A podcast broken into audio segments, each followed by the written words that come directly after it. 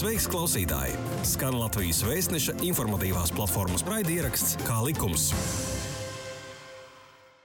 Labdien! Mani sauc Inese Helmane, skan oficiālā izdevēja Latvijas vēstneša raidieraksts Kā likums. Šodien mūsu saruna tēma - telpu lietošanas veidu maiņa. Ir gadījumi, kad privātu māju vai dzīvokli ir vēlme pārveidot par biroju, vai arī dzīvojamās telpās iekārtot, piemēram, ārstu prakses kabinetu. Kādos gadījumos telpu lietošanas veida maiņa ir iespējama un kādos nav, kāda saskaņojuma vajadzīga un kāda normatīva regulē telpu pārveidi. Par to šajā sarunā ar Rīgas pilsētas būvvaldes arhitektūras pārvaldes vadītāju Viktoriju Belerti. Labdien, Viktorija! Labdien! Tad kādi vispār ir telpu lietošanas veidi un kādi normatīvi akti to regulē? Lietošanas veidi mums ir noteikti ministra kabineta noteikumos, būvju klasifikācijas noteikumi. Visas būvs dalās divās daļās - ēkās un inženieru būvēs. Ēkas savukārt dalās dzīvojamās un nedzīvojamās ēkās. Un, kā, vēl sīkāk ir arī, protams, sadalīts tālāk, piemēram, nedzīvojamās ēkas dalās viesnīcās, restorānos, atpūtas ēkās, biroju ēkās un, un tam līdzīgi. Un kāpēc vispār tāda iespēja pastāv mainīt telpu lietošanas veidu? Nu, piemēram, es nopirku dzīvokli un to arī izmantoju kā dzīvojamo telpu, vai arī nopirku komerctelpas un to arī izmantoju kā biroju. Kāpēc ir vajadzīga telpu lietošanas veida maiņa? Protams, ja jūs nopērkat dzīvokli un, un, un turpināt viņu izmantot kā dzīvokli, šāda lietošanas veida maiņa nav nepieciešama. Bet uh, dzīvē jau viss nav statisks, uh, situācijas mainās un, un var gadīties, ka, protams, vairs esošais lietošanas veids nav, uh, nav nepieciešams konkrētajam īpašniekam, lietotājam, un tad attiecīgi ir jāmaina lietošanas veids. Bet tas jau nav nekādā ziņā obligāta prasība, ja jūs izmantojat atbilstoši jau esošiem lietošanas veidam. Nu, vai bieži notiek tāpu lietošanas veida maiņa? Tas ir diezgan tipisks, tipiski gadījumi. Jā, jā. Uh, pilnīgi noteikti tas ir viens no biežāk sastopamajiem veidiem, uh, ar ko mēs saskaramies. Uh, jo Visbiežāk tās tipiskas situācijas ir, iedomājieties, iela, iela, ielas fronti, pirmo stāvu, kur, kur mainās. Te ir veikals, te ir restorāns, te ir iespējams biroja telpas un, un varbūt vēl kāds cits lietošanas veids. Mainās īpašnieki, mainās nomnieki. Katram ir kāda cita ideja, ko, ko viņi vēlas nodarboties. Līdz ar to tas līdzi tā kā prasa arī šo lietošanas veidu maiņu. Un kādi telpošanas lietošanas veidi parasti tiek mainīti? Kādi ir tipiskākie gadījumi? Nedzīvojamo telpu grupās bieži mainās no, no, no šiem birojiem uz, uz, uz tirzniecību, uz ēdināšanu. Un otrs, kas arī šobrīd diezgan populārs, ir, kad jau neizmantotās ēkās, nu, visā, visai ēkai maina lietošanas veidu. Piemēram, ir, ir bijusī fabrika, šobrīd to pārbūvē un maina lietošanas veidu uz, uz dzīvojamo ēku. Un tādu lietošanas veidu mājiņa, ko pārsvarā skar, tās ir daudzstāv, tie ir daudzstāvu nami, jeb tās ir privāti mājas. Privāti mājas retāk. Bieži vien jā, tie ir daudzstāvu nami, kuros pirmajos stāvos ieliek citu funkciju, vai arī tad, tad veselam objektam, veselai ēkai maina lietošanas veidu. Privāti mājās retāk nāk ar šādām atsevišķām iecerēm. Un kur ir jāvērš, lai mainītu ēkas vai telpu lietošanas veidu? Jā, ņemot vērā, ka telpu lietošanas veida maiņa arī ir būvniecība, primāri ir jāsameklē certificēts būvspeciālists, certificēts arhitekts, kas iepazīst ar konkrētajām telpām, lai saprastu, vai lietošanas veida maiņa ir iespējama, jo primāri jebkuru zemes gabalu, jebkuru ēku, jebkuru telpu grupu var izmantot tikai atbilstoši teritorijas plānojumā noteiktajai atļautajai izmantošanai. Tas ir primāri. Vai ir atļautā izmantošana? Arhitekts to, to nu, nu, protams, to arī pats cilvēks var, var noskaidrot, ja tātad šis būs speciālists konstatē to, tad paskatās, kādas ir speciālās prasības konkrētajam lietošanas veidam, vai tas neprasa kāda papildus būvdarbus veikt, nevis vienkārši nomainīt lietošanas veidu, bet tad arī reāli pārbūvēt kaut ko konkrētajās telpās. Un tad secīgi no, tā, no, šie, no šī darba apjoma būs speciālists secina, kāda būvniecības dokumentācija jāsagatavo, un arī ir tiesīgs sagatavot šo būvniecības dokumentāciju. Un secīgi pēc tam jau tā tiek iesniegta būvvaldē, un būvvalde vērtē un veic akceptu. Mhm. Un kāpēc vispār ir svarīgi tādu lietošanas veidu mainīt oficiāli? Vienkārši tur ierīkoja kaut ko ārstu biroju vai nu, mazāk nu, kaut kādu jurista biroju, un, un lai tas tā būtu. Kāpēc ir jākārto šīs formalitātes? Tad primāra būvniecības likums jau nosaka, ka jebkura būve ir lietojama tikai atbilstoši projektētājiem un saskaņotajiem lietošanas veidam. Ja tas netiek veikts, tā arī skaitās patvaļīga būvniecība. Un secīgi būvāde to kontrolē un var ierosināt administratīvo lietu par, par tātad, neatļautu būves izmantošanu. Otra lieta ir tā, ka Katram no šiem lietošanas veidiem ir savas specifiskas prasības, noteikts normatīvajos aktos, kas ir, kas ir jāievēro un kas nosaka drošu uh, būves uh, grupas eksploatāciju.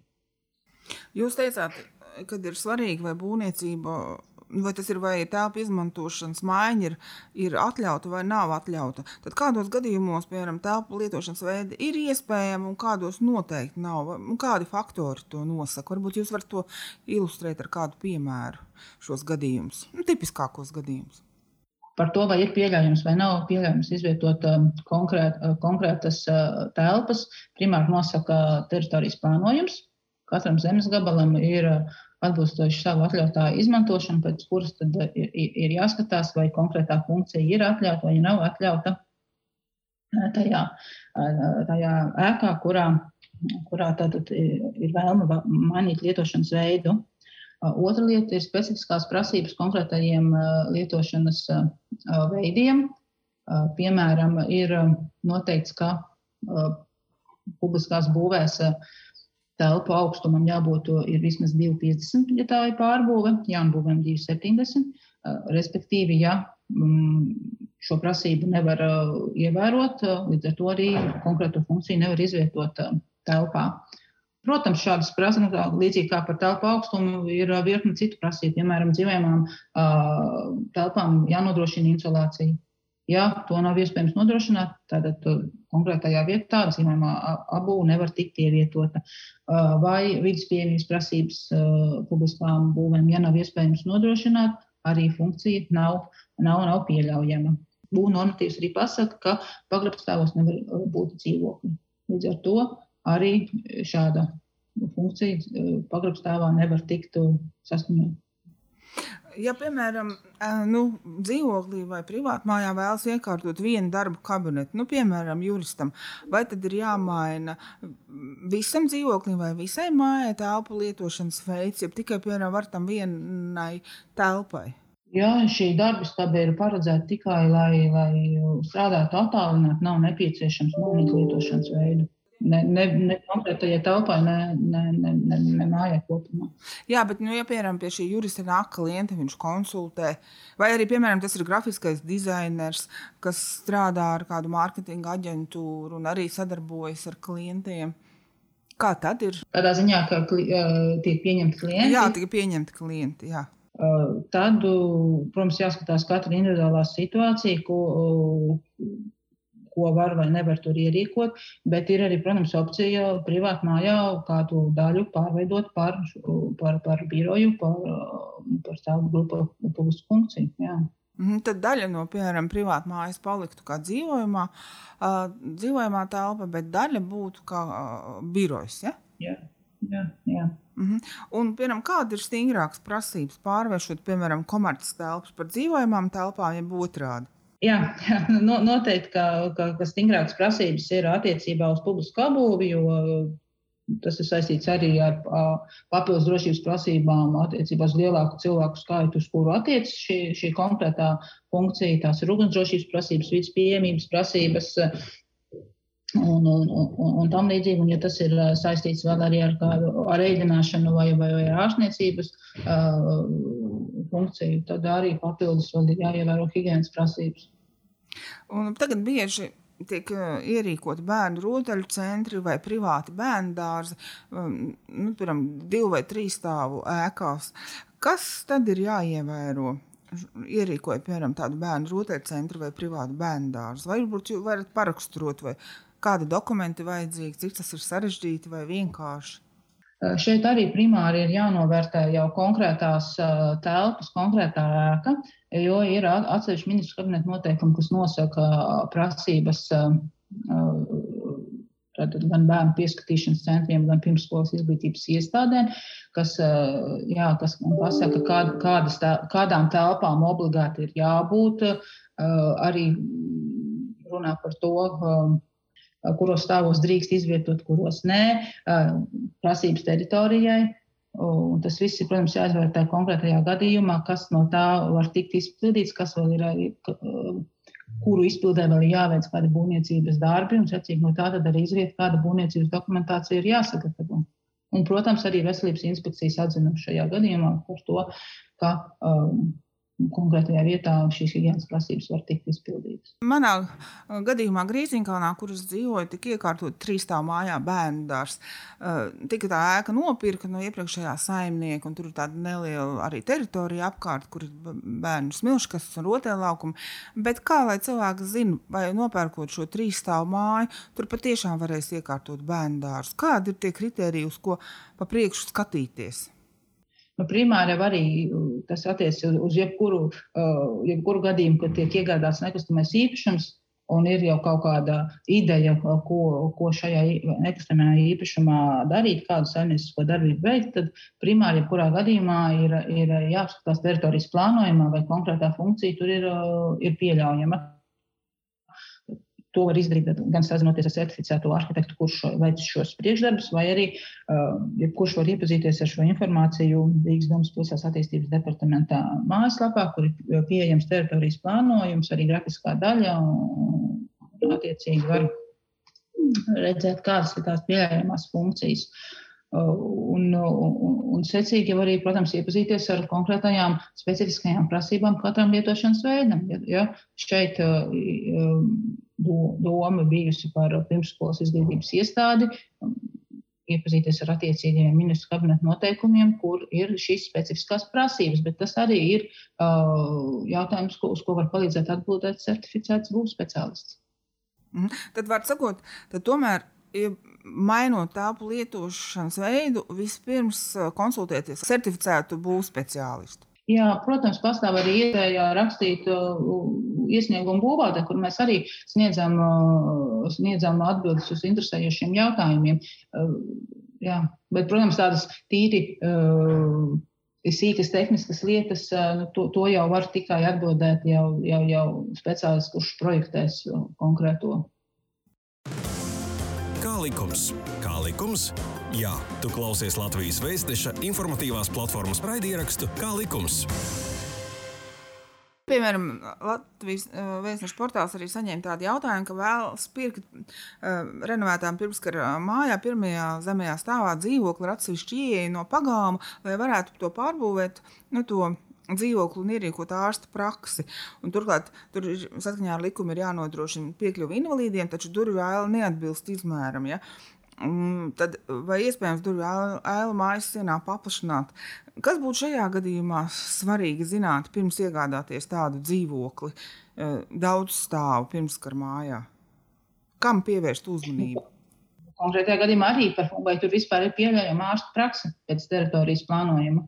Ja jā, tad nākamais, jā, ja ir nepieciešams pielāgot vidas pieejamības prasībām, tad vismaz pēc aprakstī tā izklausās, ka būs nepieciešams būvprojekts, lai palielinātu aili.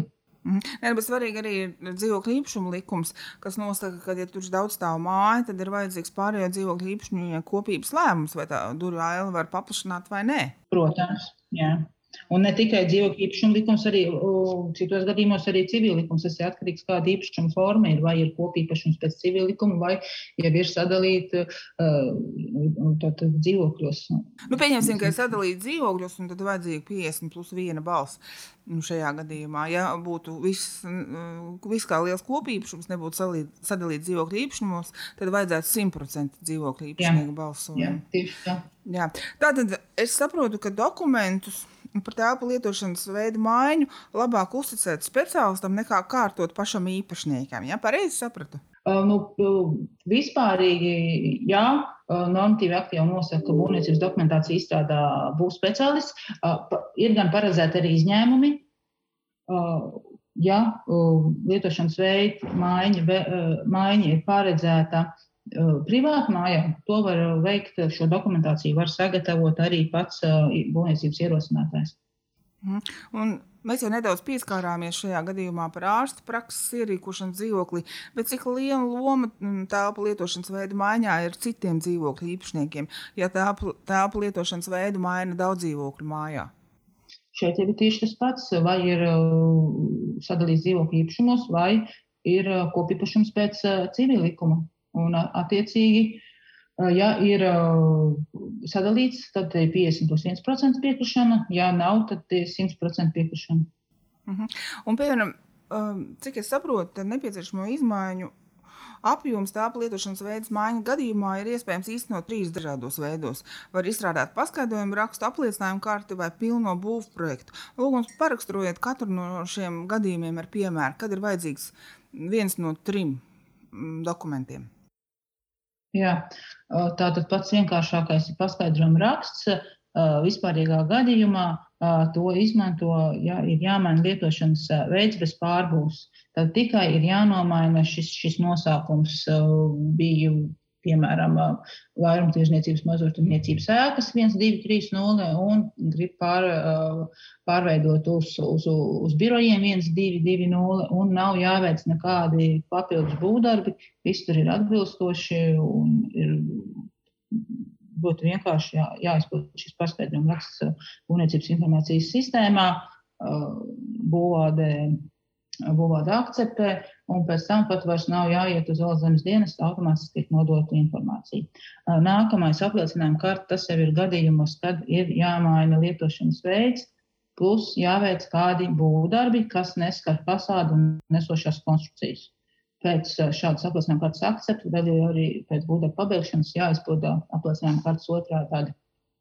Un, protams, arī jā, jāvērš valsts zemes dienas tā, Un, un trešais gadījums būvprojekts, kad, kad ir lietošanas veida maiņa plus būvdarbi, kas jau skar fasādi, teritoriju, nesošās konstrukcijas un, secīgi, arī nepieciešama valsts dienestam iesaiste. Es vēl pieminēšu, jā, lai, nerastos pārpratums, ka, protams, varbūt arī apliecinājuma kartēm un būvprojektam var būt arī būvdarbi bez lietošanas veida mājas. Jā, nu, šajā gadījumā, ja mēs runājam par lietošanas veidu māju, tad jā, šie trīs dokumenti jūs pieminētie. Uh -huh. Kas vēl būtu jādara bez dokumentu nokārtošanas ar būvvaldu par tāpu lietošanas veidu māju, kur vēl būtu jāgriežās, ja par to pilnīgi pietiek?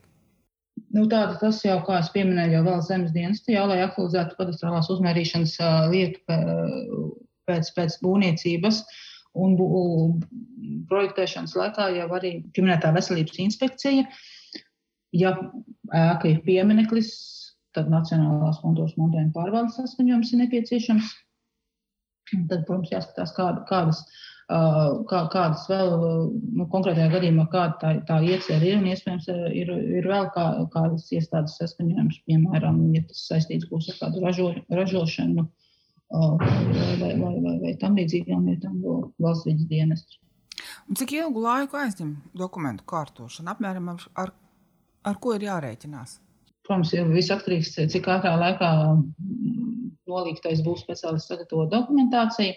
Ja šī dokumentācija ir, ir korekti iesniegta, nav nepieciešama nekāda papildus informācija. No būvniecības puses tiek paskaidrojuma raksta apliecinājuma kartes saskaņot divās nedēļās. Būvprojekts mēnesi, bet, tad, protams, tad tiek izdota būvotļauja, jāveic nosacījuma izpildi, un tas ir daudz garāks process nekā paskaidrojuma raksta vai apliecinājuma kartu. Mhm.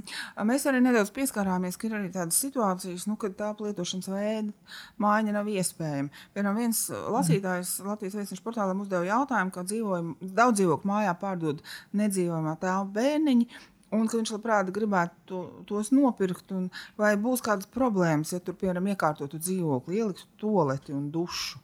Vai varētu bērniņus, kā nedzīvojamā telpā, nomainīt pret dzīvokli? Kas tur būtu jādara, kam jāpievērš uzmanība? Konceptuāli ir tas iespējams. To arī ļoti daudz cilvēku izmanto. Šeit var būt problemātiski saņemt šos visus nepieciešamos dzīvokļu īpašnieku saskaņojumus. Tas ir viens, un tur arī mainās tā situācija, vai, vai tur vienkārši izbūvē bēniņus, vai viņus izbūvē un pievieno konkrētam nekustamam īpašumam, nu, dzīvokļu īpašumam, vai, vai, vai, vai, nu, vai kā tā situācija ir. Un arī jāņem vērā, ka arī viennozīmīgi nevar pateikt, vai tas būs ar apliecinājumu par vai būvprojektu. Tur arī būs speciālistam ir jāsaprot, kā tie bēniņi ir, kādi ir pār, pārsakumi, vai tur ir nepieciešamās sodas, lai ierīkotu, nu, lai izbūvētu telpas, kurās uzturas, uzturas cilvēki. Mm. Līdzīgi droši vien ir arī ar puspagraba telpām Rīgā, daudz dzīvokļu namā, it īpaši centrā. Bieži vien cilvēki grib, tos, grib šīs telpas nopirkt, vai kā dzīvokli ierīkot, vai kā darbnīcu. Vai tas ir iespējams šāda puspagraba pārvēršana par dzīvojamo telpu vai par biroju? Dzīvojamās telpas nevar būt čokolstāvā un, un pagrabstāvā. To mums nosaka Latvijas būvnormatīvs. Tātad līdz ar to šī funkcija atkrīt. Bet, bet puspagrabs, puspagrabs stāvs. Nu, tas arī ir, jā. Tā, tā ne, čokolstāvā nevar izvietot dzīvojamās telpas. Tātad nekādā gadījumā nevarētu tādā uh, cokola stāvs, puspagrabs vai pagrabs izvietot dzīvojamo telpu. Bet, piemēram, komerctelpu, biroju vai, vai es nezinu, ko, kaut kādu kosmētikas salonu. To ir pieļaujams izvietot, bet atkal jāskatās, kas ir vidas pieejamības prasību nodrošināšana. Mm -hmm. Tā vidas pieejamības prasības tad ieeja ir no, no trotuāra, ja, no, lai būtu noteikts durvju ailes. Kāds ir šīs vidas pieejamības prasības? Jā, protams, normatīvos aktos ir noteikti šie, šie nu, jā, jābūt tai, tai viena līmeņa. Nu, lai vien, viens līmenis, lai varētu pārvarēt uh, ieeju, jā, vai tie pandusi, vai ja tur ir, ir, ir kāpnītes uz leju, kādas uh, sliedes vai, vai, vai, vai kā. Bet uh, tas jau nav, nu, nav jau tā vispirms jau nav tikai šīs, šīs primitīvās lietas, un ja ir uh, nepieciešams kaut kādi citi risinājumi, vai, vai, vai kā savādāk, vienmēr ir iespējami arī alternatīvi risinājumi. Tā kā nu, nevienmēr tas ir, ka nevar ievietot, izvietot pandusu vai, vai, vai, vai, kā, vai kā citu tādu burtisku vidas pieejamības risinājumu, nozīmē, ka tur nekad nebūs publiskā funkcija tie ir izcinājumi jautājumi, un šobrīd pēc grozījumiem būvniecības likumā par, par tiem pilnā mērā ir atbildīgs būvniecības iezares izstrādātājs, kurš arī mm, izvērtē un, un meklē alternatīvos risinājumus. Nu, bet, piemēram, kāda alternatīva risinājuma varētu būt? Zvanu poga, un tad pakalpojums tiek nodrošināts tādā veidā, vai mobilais pacēlājs vai, vai, vai, vai, vai, vai tam līdzīgi. Jā. Nu, ne, ne, nu, ne tikai šie izbū, iz, izbūvētais pandus, un arī savādāk var nodrošināt. Vēl viena lieta, par ko interesējas portāla lasītāji, ir, cik tas viss maksā. Ja, piemēram, cilvēks vēlas nopirkt nekustamo īpašumu, kas bija kvalificēta kā neapdzīvojamā telpa, tagad iekārtot tur dzīvokli un, nu, un pārreģistrēt kā dzīvojamo telpu, cik tas varētu izmaksāt? Kā, ar ko viņam aptuveni jārēķinās? Diemžēl būvvaldei nav šāda informācija, cik šāds pakalpojums maksā no certificēta būvniecības speciālista puses. Šobrīd paskaidrojumu raksta saskaņošana būvvaldē ir bez maksas. Nodeva par apliecinājumu kartes saskaņošanu ir apmēram 30 eiro. Tur atkarībā kas ir iesniedzējs, un par būvprojektu minimālā sastāvā izskatīšanu, būvatļaus izdošanu arī ir būvnodeva, taču tā rēķinās no, no, arī nav konkrēta summa, tā rēķinās no, uh, no ieceres veida, atrašanās un atrašanās vietas. Nu, tās ir tikai būvvaldes izmaksas. Tātad, lai uzzinātu pilnās izmaksas, ir jāgriežas pie certificētiem speciālistiem. Ja? Jā. Mhm. Un um, apkopojot mūsu runāto, um, kā Vai jūsuprāt, telpu lietošanas veida maiņa mm, vērsīsies plašumā un tiks vairāk izmantota, jeb kā viņa pat labāk ir, tā arī notiks? Kādas ir jūsu prognozes? Es pieņemu, ka, ka nevajadzētu būt, ka strauji mainīsies, ka kaut kas paliks tā kā cilvēki mazāk, mazāk mainīs šos lietošanas veidus vai, vai vairāk. Nu, nav, nav tādu prognožu būvādē. Vai kaut kas varētu tuvākajā laikā mainīties likumdošanā šajā sakarā, ja nē, nekas tāds nav paredzēts? Ir grozījumi ēku būvnoteikumos, kas, ja nemaldos, paredzēts, ka rudens pusē varētu stāties spēkā. Un būs, jaunums būs tas, ka apliecinājuma kartes vairs nebūs, būs paskaidrojuma raksti un tad, tad būtu atļaujas. Un būs jauns instruments, kā noteikti veida darb, darbus varēs veikt par tiem tikai paziņojot būvvaldē. Bet nu, tā kon konkrētāk es vēl par, par šiem grozījumiem nevaru nokomentēt. Jā, bet tas tā kā atvieglos tēlu lietošanas veidu mājiņu cilvēkiem, ja? Tas tā kā viņiem par labu nāk. Nu, tā, tie grozījumi neatiec tikai uz lietošanas veidu mājiņu, bet kopumā. Bet, nu, šobrīd es nevaru neko vairāk nokomentēt. Nu, jā, jā, jāgaida, jāskatās, ko ekonomikas ministrija izziņos. Mm -hmm. Labi, paldies par sarunu. Atgādinām, ka jūs klausījāties Latvijas vēstniešu portāla raidierakstu kā likums, un uz sarunu bija aicinājusi Rīgas pilsētas būvvaldes arhitektūras pārvaldes vadītāja Viktorija Belerti. Paldies jums par sarunu! Šī bija iknedēļas pusstunda kopā ar oficiālā izdevēja Latvijas vēstneses informatīvās platformas raidierakstu Kā likums. Pastāsti citiem, ja bija noderīgi un interesanti. Kā likums, tiekamies ik trešdienu!